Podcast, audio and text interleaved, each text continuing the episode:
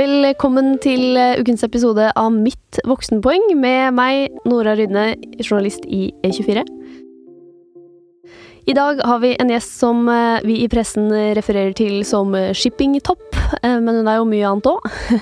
Hun en, har en ganske annen bakgrunn enn de fleste som har gjort lederkarriere innen shipping, eller i det hele tatt for hvem som helst som har gjort karriere i toppledersjiktet.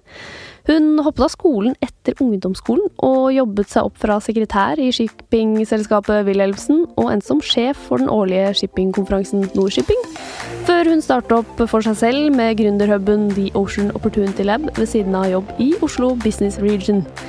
Det er deg, det, Birgit Lioden. Velkommen. Tusen takk. Det er visst det, ja. ja. ja. det var riktig. For det kunne hende at du hadde bytta jobb. Du, ganske riktig, bare at jeg sa jo opp i Oslo Business Region i oktober i fjor, sånn at The Ocean Opportunity Lab er fulltidsopplegg. Det fulltid, ja. Yes. Ja, det er det. ja, ja. Yes. Litt uh, svakhet i researchen der. Men da fikk vi med det. Så det er fulltid gründer nå, yes. rett og slett. Men det er innen shipping uh, det... det er det. Havnæringer og fornybar energi er det vi treffer på. Ikke sant. Vi skal jo by oss litt inn i eh, hvordan du eh, kom deg inn i shipping, og hvordan du kom deg opp i shipping også. Men eh, vi skal begynne med de vanlige fem kjappe. Så du kan jo begynne med å fortelle oss når du først, kjøpte din første bolig. Det var høsten 2006. Og hva kosta den? Den mener jeg kosta sånn 1,7 millioner. Det var en leilighet på 50 kvadrat. Hm, I Oslo? Det var tider. Hvordan finansierte du det? Det var eh, Jeg hadde minimumskravet til egenkapital på sparing og BSU, og så var resten eh, lån i bank. Ja. Hva er det beste du har gjort for karrieren din?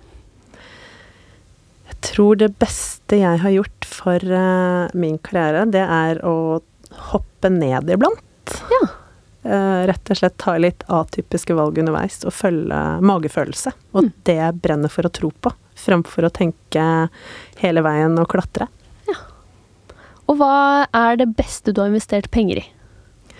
Det beste jeg har investert i, det vil jeg jo tro er det selskapet som jeg bygger opp nå. Som er en, eh, en brobygger mellom det etablerte næringslivet og uh, gründer-entreprenørmiljøene for internasjonale havnæringer. Mm. Og det verste, da? Oh, det verste, det er, har nok vist seg å være noen gamle aksjer jeg sitter med i liksom shipping offshore-selskaper som fikk seg en trøkk under offshore-krisa. Ja, og for oss som ikke vet helt uh, hva, når offshorekrisa var, når var det? Ja, det var vel nå rundt Sånn startet vel uh, type rundt 2014 og varte noen år, men hadde vel egentlig fortsatt ikke kommet seg helt nå når korona Nei, ble kanskje ikke helt det samme Markedet kom liksom ikke helt tilbake, så det påvirkes jo bransjen av enda. Ja. En sånn dobbeltkrise, egentlig. Men du håper litt at de skal opp igjen? Eller? Jeg tenker nok at den beste måten offshore kommer opp på, er jo nå å skaute og finne de nye mulighetene som ligger når vi nå skal løfte hele verden over på fornybar energi. Ja, Så du holder på dem inntil videre? Ja. det er bra. Jeg liker ikke å selge aksjer med tap. Nei, det er noe med det. det. Jeg har skjønt at folk ikke driver med det så mye, helst. Men ok, vi må jo eh, til dette som jeg nevnte i starten her. Eh, du eh, har jo ikke noe klassisk sånn Harvard Business School og sånne ting som sikkert mange i shippingbransjen har, som sitter på toppen der. Du slutta på skolen da du var 16? Ja, stemmer. Hvorfor det? Det var en kombinasjon av at jeg er nok ganske opprørsk av meg, og jeg er en praktiker. Mm. Jeg passa ikke helt inn i den norske skolemodellen og læringen, så jeg var både ganske frustrert, mistrivdes, um, og vokste opp i et hjem hvor det var en del uh, problemer knyttet til uh, mental sykdom og osv. Og, og som eldst av fire da, så var jeg egentlig i en situasjon hvor jeg passa mye på meg selv, og da gjorde jeg litt som jeg ville. Nettopp. Så det, og så ville jeg ut, uh, ut og jobbe. Rett og slett. Mm. Men hvordan var det hjemme, da? Det, fikk du støtte for det, eller? Ja, altså, eh, min far han ble presset inn i å ta en utdanning og karrierevei som var best for familien og ikke for seg selv, så han var kjempestøttende. Ja. men han sa at eh, Birgit, så lenge du står på og jobber eller går på skole, så er det greit. Men du kan ikke slutte på skolen for å drive dank. Men det hadde du ingen planer om heller? Nei. Jeg har alltid likt å jobbe. Men jeg lurer på det når man er 16. Og jeg vet ikke Du er jo også fra Bærum, forresten. Det er Ja. jeg òg. Eh, da, eh, da jeg gikk på ungdomsskolen, så var det i hvert fall helt sånn utenkelig. Eh, I hvert fall hvis man ikke hadde en plan. Hadde du, hadde du en plan, eller var det litt skummelt? Jeg hadde én plan, eh, og min plan, fordi jeg var hestejente på Øvrevoll eh, fra jeg var ni år, eh, det var å bli hestekiropraktor. Ja. Opprinnelig. Og da var det logisk også for så vidt å slutte på skolen og begynne å jobbe på en gård med hester og gårdsdrift. Nettopp, så det var det du skulle bli. Yes. Men eh, hva, hva skjedde da? Hvorfor ble det ikke det? Jeg hadde eh, i, Under det året jeg jobbet på den gården, så hadde jeg en, en rideulykke. Og så så jeg da at eh, det ville kreve en, eh, en sterk rygg å være hestekiropraktor. Eh, som ble nødt til å ta en reevaluering av hvordan jeg tenkte framtiden. Eh, og da eh, Da tok jeg en, en litt sånn snurunde. eh, og begynte heller å se da på hva annet var det jeg interesserte meg for, hva annet var det jeg kunne få teste meg ut på. Sånn at jeg kunne begynne å lete etter en annen, en annen retning, da. Så du var aldri litt sånn stressa? Kanskje liksom Kanskje jeg har glemt hvordan det er å være 16? Kanskje man er litt mer uredd da? Eller? Nei, men jeg tror nok eh, jeg er ganske eh, omstillingsdyktig og har vært det alltid. Jeg har, jeg har måttet eh, rett og slett når det har dukket opp hindringer eller ting har skjedd, eh, så har jeg alltid måttet finne løsninger. Så jeg tror nok for meg så er det ikke noe option å på en måte sette seg ned og stresse og stoppe. Men det er nok heller bare å, å, å snu seg og se ok, hvis det ikke ble dette, hva, hva kan jeg gjøre isteden? Og hva ble det da, når du ikke var hestekiropraktor? Da ble det en del ulike jobber, type butikk, eh, kasse, salg etc., fram til jeg meldte meg inn i Topptemp vikarbyrå. Eh, I 2000, mener jeg det var. Eh, og så ble jeg ganske da, tenkte, da meldte jeg meg inn der for å kunne teste ut mange ulike typer yrker og roller for å se hva jeg egna meg til og hva jeg trivdes med. Men så endte jeg med å bli eh, henta inn eh, og ansatt internt der. Som Ja. resepsjonist først, da. Ja, ok, så du hadde du var ikke, Det var liksom ikke sånn ok, greit, da går jeg fullstendig inn i butikk. Du tenkte at nå må jeg teste litt og se hva jeg vil bli? Ja, altså jeg, jeg fikk teste en del forskjellige arbeids- og yrkesmuligheter i Topptemp. Og så var det de da som tok initiativet til at de så tydeligvis at jeg var arbeidsom og blid og ålreit å kommunisere med, sånn at de eh, spurte om jeg kunne tenke meg å komme inn og jobbe hos dem, da. Nettopp. Og så var du, Men da jobba du deg litt opp i topptemp også, skjønner jeg? Ja, altså jeg, eh, jeg tok jo da Jeg begynte i resepsjonen, og så jobbet jeg etter hvert som assistent og litt sånn koordinator for noen av de ulike lederne der. Mm. Eh, og så ble jeg jo inspirert der til å ha lyst til å, å få, eh, få gjort noe litt eh, tyngre. Så da satte jeg meg eh, et ønske, eller en litt sånn drøm om å bli sekretær. Ja. Eh, pluss at jeg fikk en del inspirasjon til eh, prosjektlederfaget via en som var eh, prosjektleder på interne eh, ombyggingsprosjekter da, inne hos ToppTemp på kontorene der. For sekretær, det tenker jeg litt sånn det, det føler jeg er et litt gammeldags yrke som jeg ikke egentlig helt skjønner hva er lenger. Hva er, hva er sekretær? Jeg tror dagens sekretær eller altså sekretær fins jo fortsatt, absolutt, men jeg tror nok veldig ofte i dag så kaller vi det for personlig assistent. Ja. Eh, men jeg tenker at da er det jo den personen bak i kulissene som typisk er bidragsyter til at alt mulig skal fikses sømløst, og at alt skal funke fordi du jobber sammen med, enten du jobber med et team eller med en leder. Så du, det du likte, var liksom at det, at det foregikk mye? Mange baller i luften? Ja, og også den opplevelsen av å være en, en eh, verdifull eh, ressurs for andre og hjelpe dem til å gjøre jobben deres, ta bort bekymringer, fikse ting for dem. Så egentlig en litt sånn fikser, eh, fikser og ordner bak i kulissene. Det, fant du da liksom et talent du ikke visste at du hadde, eller var det noe du skjønte tidlig? Nei, jeg tror nok jeg fant det mens jeg var i Topptemp. Eh, absolutt. At uh, det var noe jeg trivdes kjempegodt med. Å rett og slett være nyttig for andre.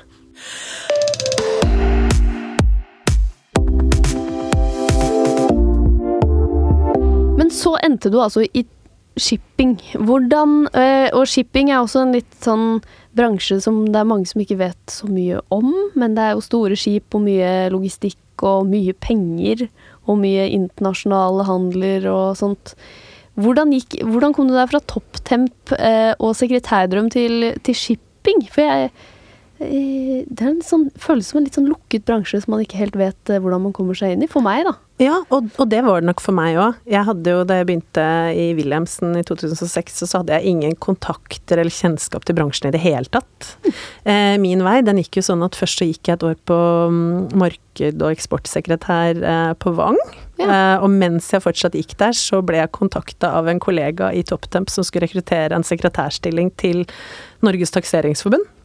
Så jeg var der i tre år, og um, hadde egentlig tenkt å fortsette eiendomssporet da. Okay. Og så fikk jeg en henvendelse via via da gamle kolleger igjen, eh, hvor Wilhelmsen lette etter en HR-assistent eh, og PA til konserndirektøren i HR eh, eh, på Lysaker. Uh, og jeg ble kontakta, og første omgang så takka jeg faktisk nei. Nettopp fordi at det var en bransje som var så langt unna noe jeg identifiserte meg med, og som jeg visste så lite om. Mm. Men så tok jeg utfordringen om å stille, egentlig, for å bare øve meg på å gå på intervju. Og okay. traff full score med en fantastisk kul dame som intervjuet meg, og som da jobbet på samme avdeling som jeg skulle jobbe på. Uh, og jeg fikk vel da eh, type en helt sånn øynene opp for en bransje som er helt fantastisk spennende, og som er både Norges mest internasjonale, men også eh, en bransje hvor det skjer enormt mye fremover. Eh, for og i verden. Ja. Og alt dette fikk de fortalt deg på dette jobbintervjuet, eller? Ja, så det begynte jo med rollen der inne, hvor det handlet jo om menneskene i organisasjonen. Og jeg har alltid vært veldig engasjert i opptatt av mennesker. Mm. Jeg treffes mye av liksom mykere verdier. Ja. Eh, så det var det det begynte med. Og så kom jeg jo mer inn i måte, den hva bransjen egentlig gjør, da. Eh, det kom etter hvert som jeg begynte å jobbe. Mm. Så, men så fikk jeg muligheten til å jobbe meg også oppover der, så det var et fantastisk sted å være ung og junior. Ja, for hvordan Det er det jeg liksom sitter og lurer på, fordi jeg er jo sikkert den generasjonen, generasjon flink, som var sånn men, hvordan får man til noe uten sånne vanlige kvalifikasjoner? Hvordan eh, jobbet du deg opp eh, fra Du begynte altså som personlig assistent og HR... HR-assistent. HR-assistent. Mm. Hvordan kom man seg derfra til direktør, liksom? Ja, nå ble jeg jo aldri direktør i Williamsen. Ikke i men, men nei, for min del så har nok det handlet om at jeg, jeg har aldri tenkt så mye på hva som står i en arbeidsbeskrivelse, eller akkurat hva som er liksom formelt min rolle, men jeg har alltid vært opptatt av å bidra.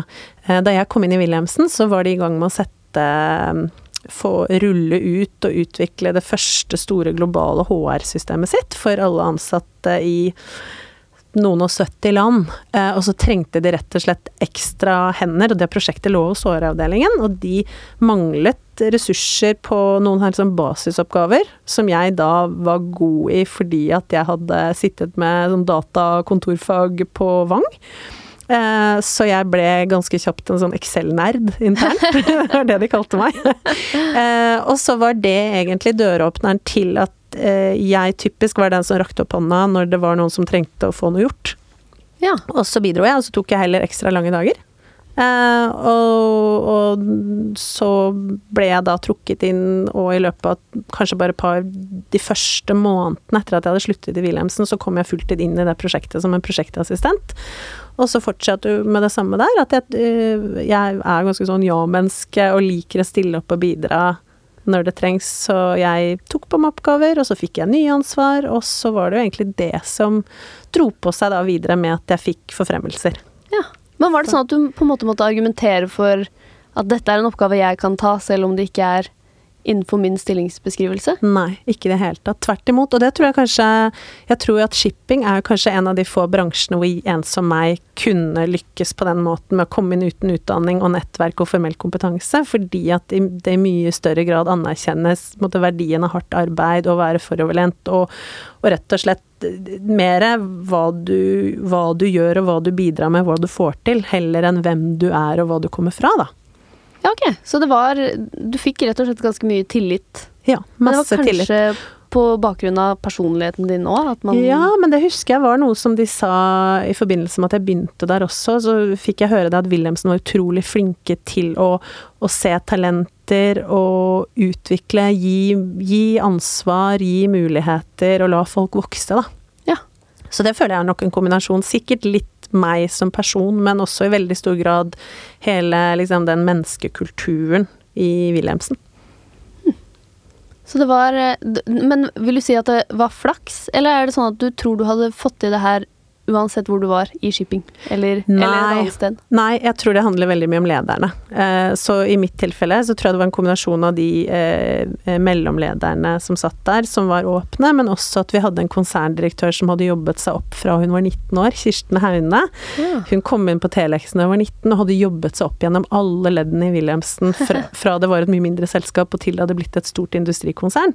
Så det er klart at hun hadde jo nok også en helt annen åpenhet Eh, knyttet til det og, og, at folk kan utvikle seg, og at du eh, at du kan bidra eh, på mange nivåer, uavhengig kanskje av formalbakgrunnen din og den biten. Men det tror jeg, Så det handler nok mer om kulturen i et selskap og den enkelte leder. Og om den enkelte leder da er eh, tør å tenke ut av boksen, eller om man bare går etter på en måte bachelor, master, CV-tracken. Ikke sant. Men tror du eh, Tror du at Eh, det kunne gått an nå? For det er ikke eh. så lenge siden det her, egentlig. Nei, altså dette Jeg begynte jo i VV i 2006. Eh, det har nok kanskje på noen måter blitt tøffere. Er, jeg merker jo at veldig mange arbeidsgivere ser jo mer og mer på dette med at du skal ha en grad eller to for i det hele tatt sitte på kundeservice omtrent nå. jeg vil si at i Tool, som jeg bygger opp, så er det en Der ser vi jo faktisk på det som er veldig bevisste ambisjon, at vi ønsker å rekruttere annerledes profiler. Ja. Vi ønsker å, å, på en måte gå litt imot det som har blitt trenden, og, og også egentlig se på det som eh, et, en, en, kjempemulighet for oss til å hente skikkelig bra folk som andre overser. Hm. Men eh, hvis eh, har, du, har, du, noe råd til noen som kanskje har en litt annerledes bakgrunn, da, som har droppa ut av skolen tidligere enn vanlig, eller kanskje ikke fullført noen studier? Har du noe råd til hvordan de kan komme seg inn og opp? I shipping? Ja, eller en annen Det er sikkert overførbart til andre selskaper. Ja, helt sikkert. Jeg vil jo si at følg med i media og, og snakk med folk eh, i næringslivet. Og så kommer det jo typisk fram hvilke arbeidsgivere som tenker litt ut av boksen. Du har jo Stormberg som er et fantastisk eksempel. Du har Ferd-systemet med Johanne Andresen og co. Eh, som også tenker ut av boksen. Eh, se til der hvor du finner sosiale entreprenører. Engasjer deg inn mot sånn som i Oslo, så har vi Oslo Innovation Week. Mm. Hvor det er masse muligheter for å eh, være med inn som frivillig, internships etc tenker jeg at hvis du får en fot inn da, og får vist deg fram litt først, så er det lettere å komme inn videre. Eh, og hvis det er noe innenfor eh, flinke folk som har lyst til å jobbe inn mot hav og, og fornybar-siden eh, og brenne for å endre verden, så kan de også bare kontakte oss. Og så har vi jo et kjempestort nettverk av aktører som leter etter flinke mennesker. Ja. Men så lurer jeg også på en ting. V eh, ville du bli leder? Var det, var det en ambisjon som du nå har holdt hemmelig hittil? Nei. Eh, at du er 16 år, det var ikke egentlig hesteterrav at du skulle bli, skulle bli toppleder. Nei, og det er, det er, jo så morsomt, for jeg, eh, jeg, føler nok at jeg er en, en, en eh, ja, veldig type tilfeldig at jeg har blitt leder på mange måter. Jeg har nok hatt med meg en del fordi jeg er liksom storesøster og eldst av fire og har tatt mye ansvar fra jeg var liten, men jeg, jeg tenkte tenkte aldri engang tanken på at jeg skulle kunne bli leder, for det var så langt ifra det jeg kom fra. Eh, så som sagt, den ambisjonen jeg hadde, var å bli sekretær, og så etter hvert så jeg på det at det å være prosjektleder for så vidt var veldig spennende. Mm.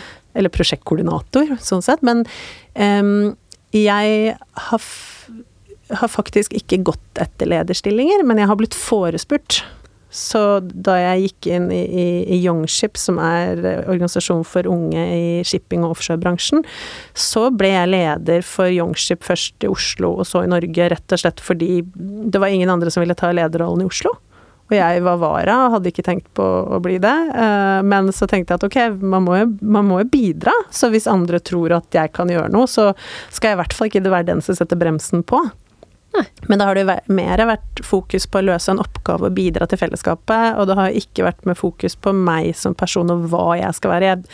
Jeg gir ganske blanke i eh, både rolle og tittel og på en måte den maktposisjonsbiten. Det er ikke det som driver meg, men det er jo mer å være med å løse oppgaver og gjøre endring.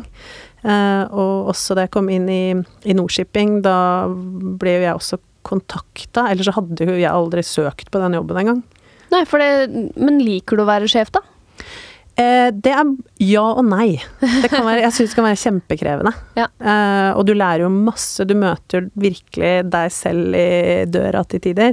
Jeg syns det, det er givende, men jeg er Jeg tenker at eh, jeg liker nok veldig godt å jobbe sammen med folk som, som er veldig framoverlente. Så hvis jeg da kan på en måte ta mindre plass som leder, men heller jobbe mer fra innsiden og støtte opp folk, så syns jeg det er mye mer ålreit. Ja, Eh, jeg er ikke en veldig sånn type hierarkisk leder. Jeg liker flate strukturer.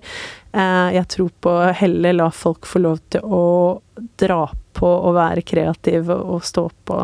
Og så at de heller kan komme til meg når de trenger å prioritere, når de trenger å spare, når de står fast på noe, eller trenger å fylle på med eh, å finne løsninger eller få mer kompetanse, mer verktøy i kassa. Men å løse sånne eh, problemer i personalpolitikk, det er ikke din greie.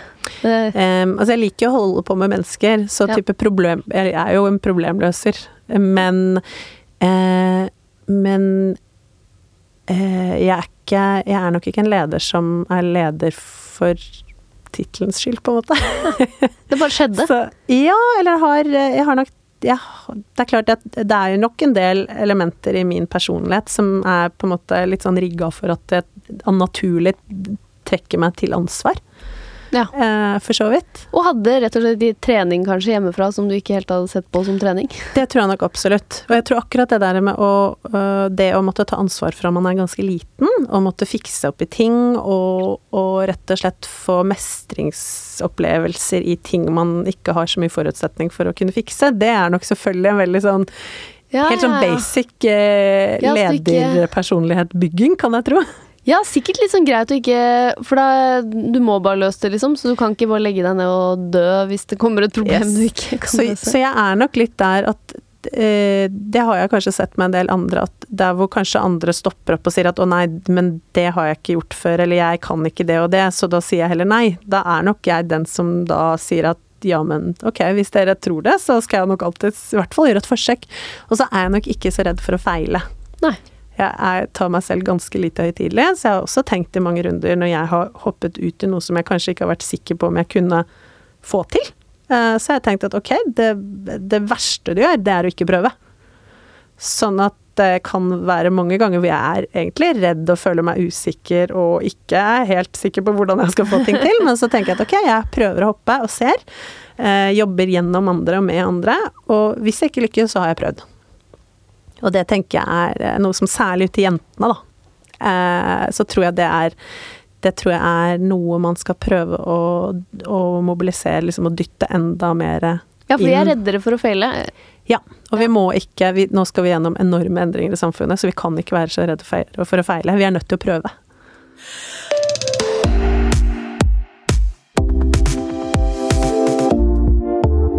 Nå skal vi til en av spaltene våre, Birgit. Det er eh, tabbespalta. Hva er den største tabben du har gjort i karrieren din?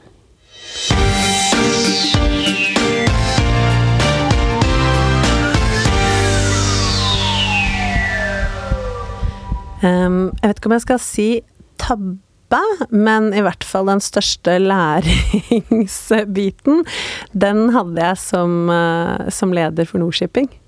Eh, hvor jeg ble utbrent eh, mens jeg leverte Nordshipping 2017. Ja, for jeg, jeg merker jo at når du sier det, så tenker jeg ikke at det er en kjempeoverraskelse med den altså, måten du har jobbet på, har vært liksom sagt ja til alt og jobbet eh, mye overtid, regner jeg med. Ja. Ja. Jeg tror ikke jeg har definert så mye overtid. Det er mer, ja, mer at man jobber. Veldig mye. ja. Ja. Eh, ja, altså, og jeg tror på en måte tabben i det tror jeg nok er um, eh, Eller læringsrommet i det, kanskje.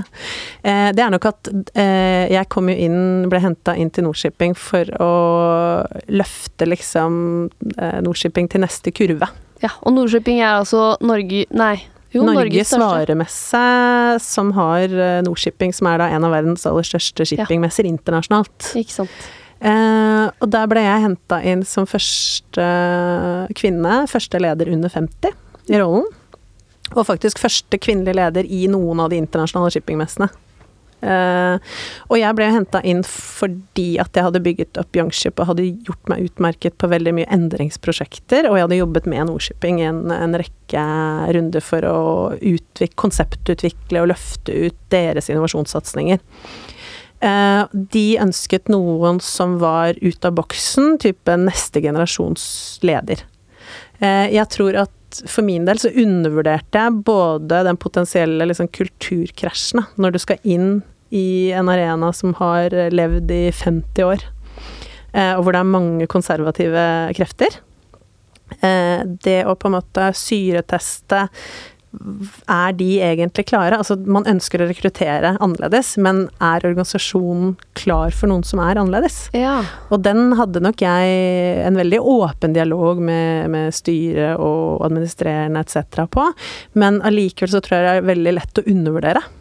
Det er litt eh, Jeg tror det er eh, Steve Jobs som hadde en sånn saying med, med runde plugger i firkanta hull.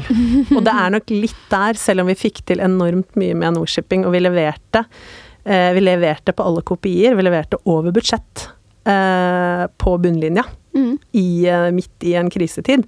Men det kosta enormt mye, og jeg tror at der um, første, Førstelæring der var liksom det å, å finne ut er dette er dette noe man skal si ja til? Man ser jo et enormt mulighetsrom for å endre, være med å endre bransjen på et helt annet nivå. Kjempeviktig. Eh, men hva vil det koste personlig norm å være en sånn endringsleder? Ja. Og er det noe man tåler? Hvordan rigger man seg både på hjemmebane og jobbmessig? Hvordan ansvarliggjør man andre rundt seg underveis? Hvordan sikrer man seg eh, gode, solide mandater? Altså det handler litt om da å måtte både kanskje være klar over i større grad sine egne begrensninger og styrker. Hvordan er det man skal kompensere og veie opp for det som er svakhetene dine? Eller der hvor du har mindre erfaring.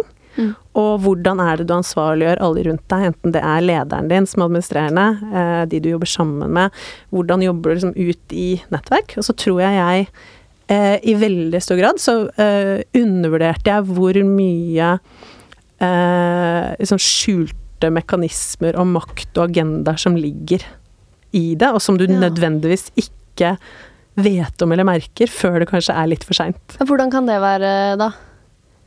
Eh, hvordan type strukturer? Ja, eller altså hvordan det slår ut, og eh, hvilke ting var det som Hvordan kunne det funke i sånne systemer som du ikke helt merka Nei, i starten? altså jeg hadde Jeg hadde for eksempel eh, DNVGL som en av de største samarbeidspartene og sponsorene våre.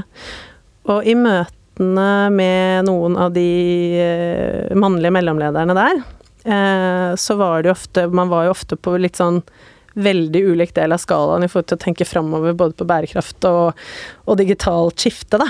Eh, og en av våre underleverandører, som var en mann i 50-årene, han tok tak i meg etter et møte vi hadde hatt der ute, og så sier han at Birgit, er det alltid sånn som dette? Så sier jeg hva da?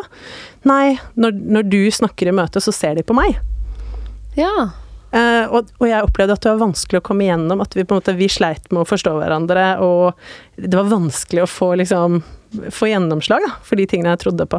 Så det jeg lærte meg da, var jo rett og slett en mekanisme hvor eh, Når jeg satt i møte med dem, eh, så, forhånds, så forberedte vi oss sånn at han som var på underleverandørsiden, som var da mann i 50-årene, han var den som da la fram forslagene som vi hadde utarbeidet, og da fikk han gjennomslag veldig mye raskere.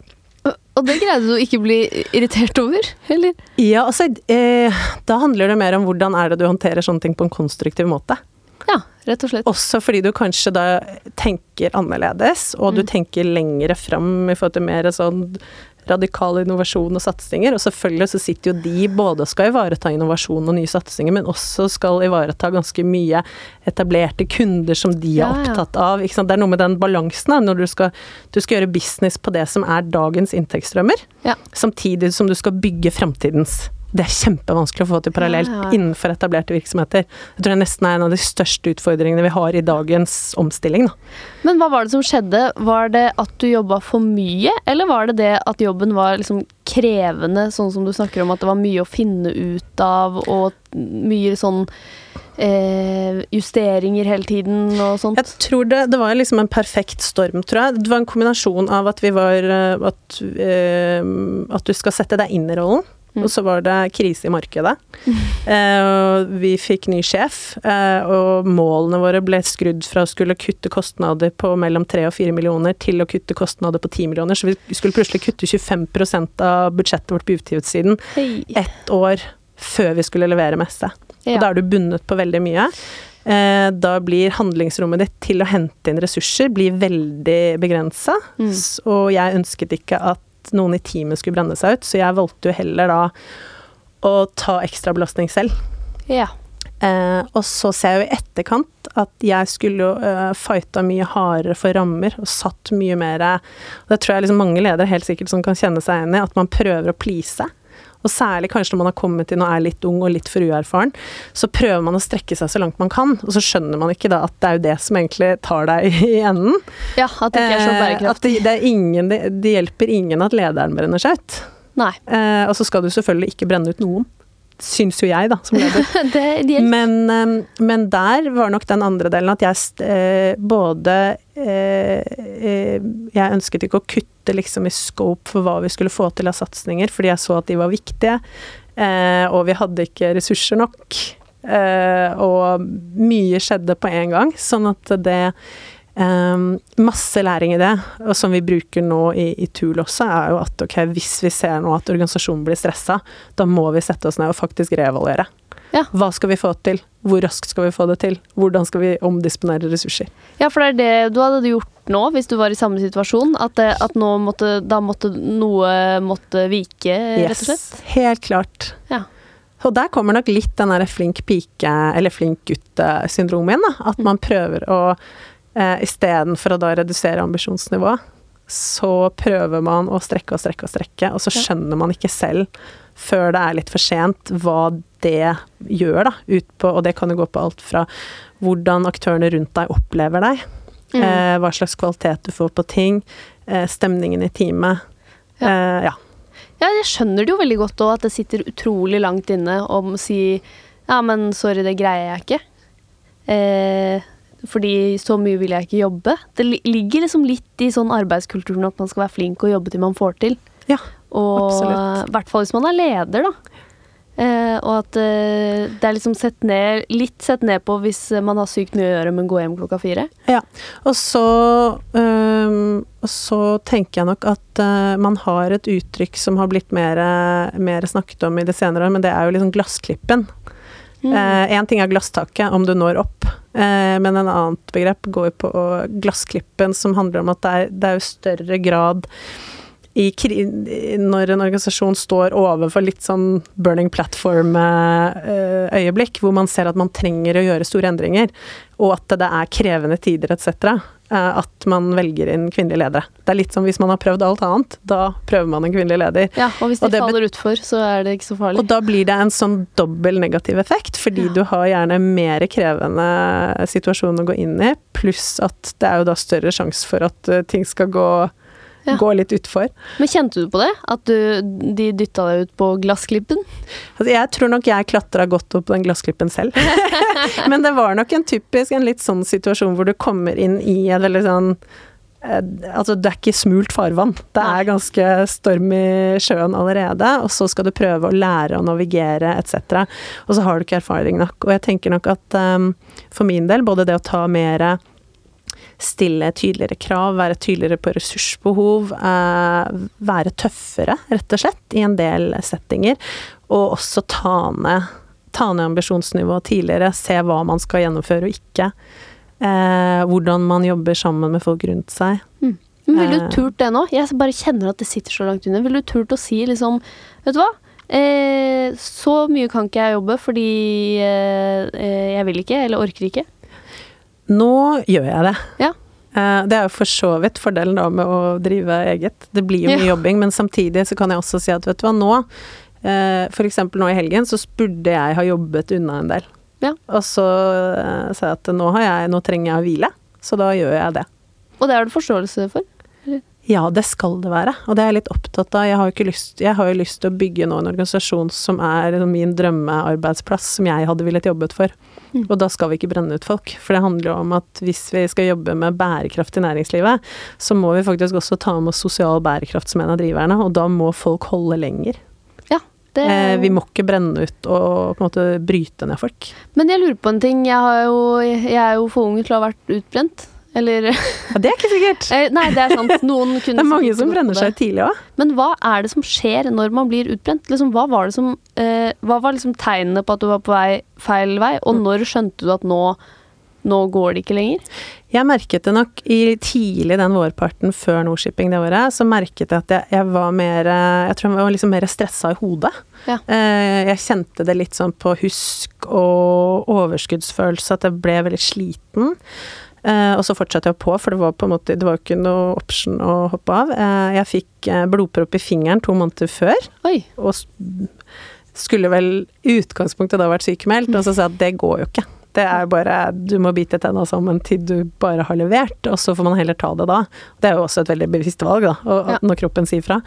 Eh, men ehm, eh, så kjente jeg, når det nærmet seg også i en periode hvor jeg treng, måtte jo være mest mulig synlig, og du skal være Mm. til stede på alt mulig og alt, eh, så kjente jeg etter hvert at jeg begynte å få skikkelig sosial angst. Altså jeg hadde det, det jeg egentlig hadde mest lyst til i de siste innspurtsmånedene, var å gjemme meg under dyna til det var over, Ja. eller, eller kjøpe en enveisbillett til et eller annet sted langt borte hvor ingen visste hvem jeg var, og bare forsvinne. Mm.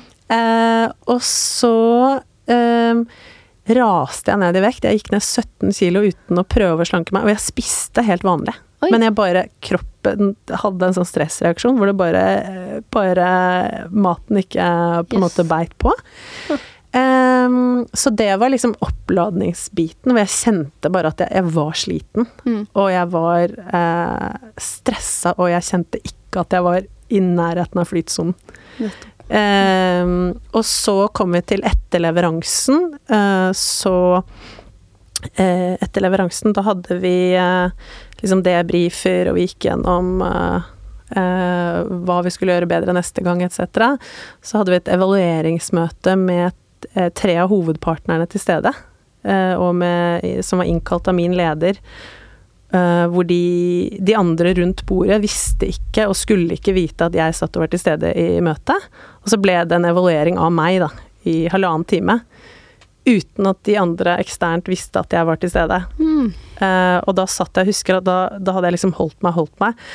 Og mens jeg satt i det møtet, så bare knakk jeg sammen, og jeg bare satt og gråt helt stille. Og så gikk jeg ut av lokalene, forbi alle kolleger foran dem. og så bare eh, fikk jeg sånn kjempeangstanfall. Ordentlig sånn panikkangstanfall. Så jeg tror jeg måtte sitte i bilen i en halvtime før jeg klarte å kjøre hjem. Men var det en dårlig eh, evaluering, eller var det bare fordi det var liksom slitsomt å høre enda mer om deg selv? Nei, det var, det, det var nok en kombinasjon, ikke sant. For at da snakker man jo Da vil man jo snakke og best, Man vil jo snakke om en person på en helt annen måte også. Når de ikke vet at de er der. Ja, Hvordan ble det løst? Jeg skjønner ikke. Hørte du på dem? Eh, Jeg satt, jeg satt i møterommet sammen med sjefen min, men så satt vi på et webmøte. Så de Ja, andre Vi satt på en måte uten Ja. Jeg satt utenfor kameraet og var stille. Okay. Mens de andre rundt eh, De andre fra hver sine kontorer Ja. satt jo da ja, ikke sant. Det høres jo Unnskyld meg, men det høres ut som en fryktelig dårlig idé. Det var i hvert fall, det var i hvert fall helt utløsende. Sånn Ja. det, det ga i hvert fall en Jeg tror det ga en kjempeknekk eh, bare på toppen av noe som allerede var en, eh, var en knekk. Ja. Eh, og så, så tok jeg ferie eh, etter det i seks uker, og da tenkte jeg egentlig at ok, nå har jeg seks uker å sånn komme meg på. Men én uke før ferien var ferdig da, eh, så fikk jeg, da fikk jeg tilbake sånne skikkelig Jeg var liksom helt skjelven og kvalm, og alt liksom bare falt under meg. Eh, bare av tanken å skulle tilbake.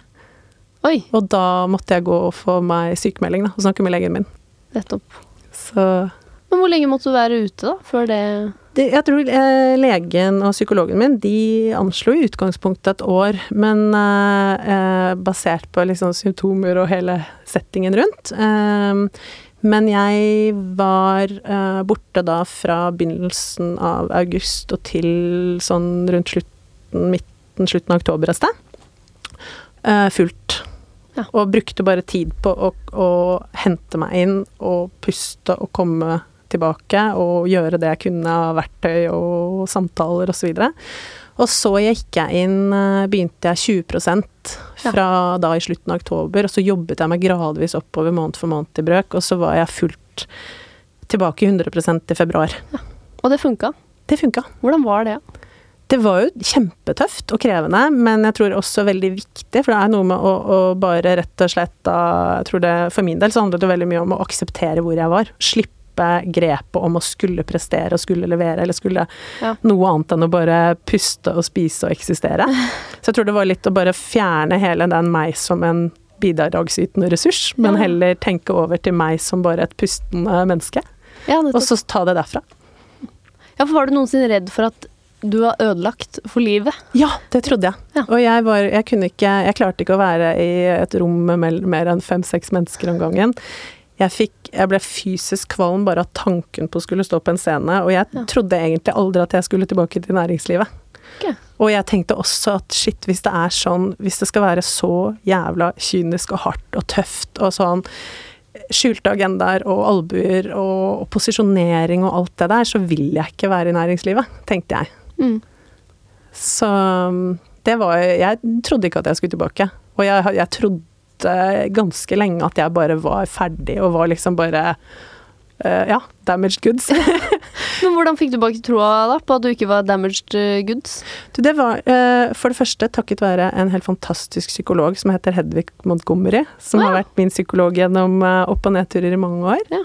Eh, og som er virkelig en eh, ja, min redningsplanke, tror jeg, for å liksom finne tilbake til meg selv. Og bygge opp igjen selvtillit og troen på hva jeg er, og hvem jeg er, og hva jeg står for. Eh, men så har jeg også vært utrolig heldig med å ha både liksom personlig og i, i næringslivet så har jeg hatt eh, folk som har vært der uavhengig av om jeg har vært ned eller opp. Eh, Så eh, Rikke Lind i Redningsselskapet og Elisabeth Grieg, eh, som er reder, de har jo, var jo i den perioden så var de blant to av de som kanskje var viktigst for meg som enkeltindivider. Ja. Eh, med å også snakke med meg og faktisk backe, eh, gi råd, etc. Ja. Så jeg tror på en måte det å tørre, det å tørre å snakke om det å være i en sånn situasjon, Ja, mens du er oppe i den, det er jo veldig vanskelig, og det er veldig mye tabu rundt det. Du skal jo Mm. helst Jeg tror i næringslivet så er det vel mer en tradisjon for at det er noe du kanskje snakker om etter mange år. Ja, for det er også litt sånn kultur, har jeg inntrykk av, i hvert fall. Ja, du skal ikke vise svakhet. Nei, for det er liksom, det er sånn det er å være Ja. sjef. Du skal Og det syns ikke jeg at det skal være. Jeg syns at det skal være rom for hele mennesker. Og jeg syns det er så utrolig viktig hvis vi skal klare å, eh, å bygge opp igjen mennesker etter sånne runder, så må vi faktisk skape en en åpenhet. Mm. Og det må være mer plass til å være det hele mennesket, på godt og vondt. Eh, men eh, eh, det, som jeg, det som jeg så eh, underveis der, var jo at jeg valgte å være åpen etter en stund. Så jeg var jo åpen både ut i media og til andre mens jeg sto oppi det etter hvert. Eh, det har skapt veldig mye samtaler og dialoger i etterkant som har vært gode. Eh, og jeg tror også at det har vært avgjørende for at jeg klarte å komme tilbake såpass tidlig. For det er noe med at når du sitter og kverner deg ned i dine egne tankemønstre, så gjør det deg egentlig bare dårlig.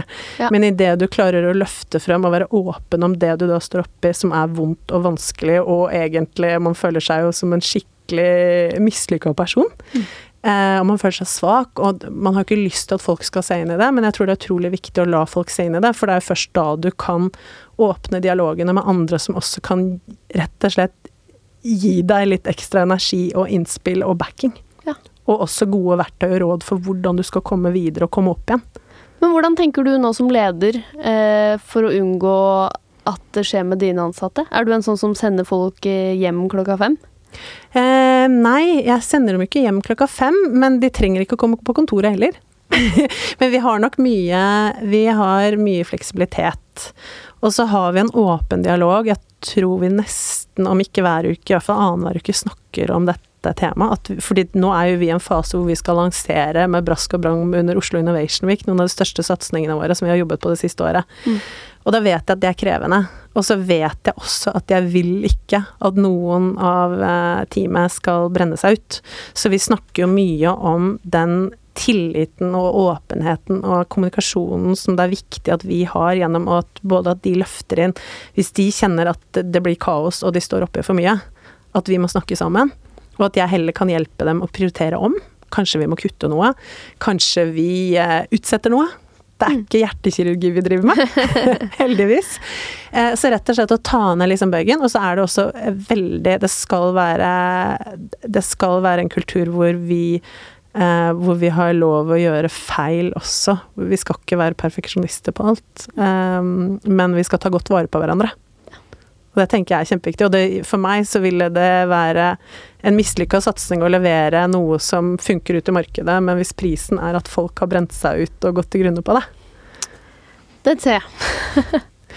så jeg tror den sosiale bærekraften for oss er like viktig som den miljøbærekraften som vi jobber mot.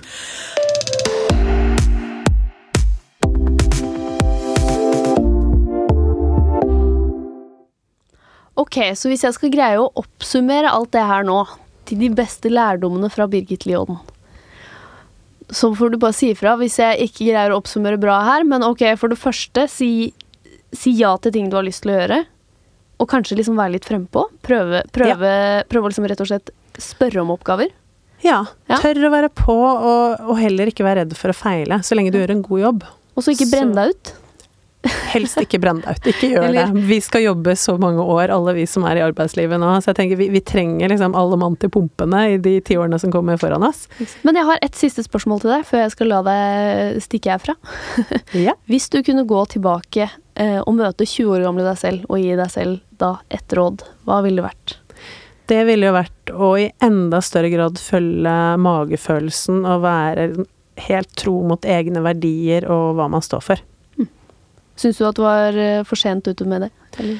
Jeg har gjort det veldig mye i alle år, men jeg ser at jeg har noen ganger takket ja eh, til ting jeg har vært med på som kanskje har vært litt mer ut fra at, at jeg har følt at shit, når jeg får en så fantastisk mulighet, så må jeg jo takke ja. Mm. Fordi den kommer jeg aldri til å få igjen. Eh, og hvis de, hvis de store mulighetene egentlig ikke treffer med hvem du er som person og hvilke verdigrunnlag du har, så tenker jeg at det er ikke alltid. Selv om man skal tørre å, å satse og, og, tørre å feile, så tror jeg likevel at man skal kjenne på uh, Hva er det du vil i det større bildet? Mm. Hvilke verdier er det som er aller viktigst for deg? Og hvem er du som menneske? Hvilken integritet har du? Ja. Det er vanskelig å vite som 20-åring. Det skal jeg medgi. Mm. Men ja. Tusen takk for eh, at du kom hit i dag, Birgit. Bare hyggelig, og takk for at jeg fikk komme. Hvis du har eh, lyst til å se mer innhold fra Voksenpoeng, så er vi altså på Instagram under navnet Voksenpoeng med Nora. Der kan du jo gjøre alt mulig, fra å kommentere hva du syns om podden, til eh, ja, å sende inn hva du syns vi skal ta opp videre i podden. Så følg oss der. Og produsent for dagens episode, det var Kristine Masdal Odne.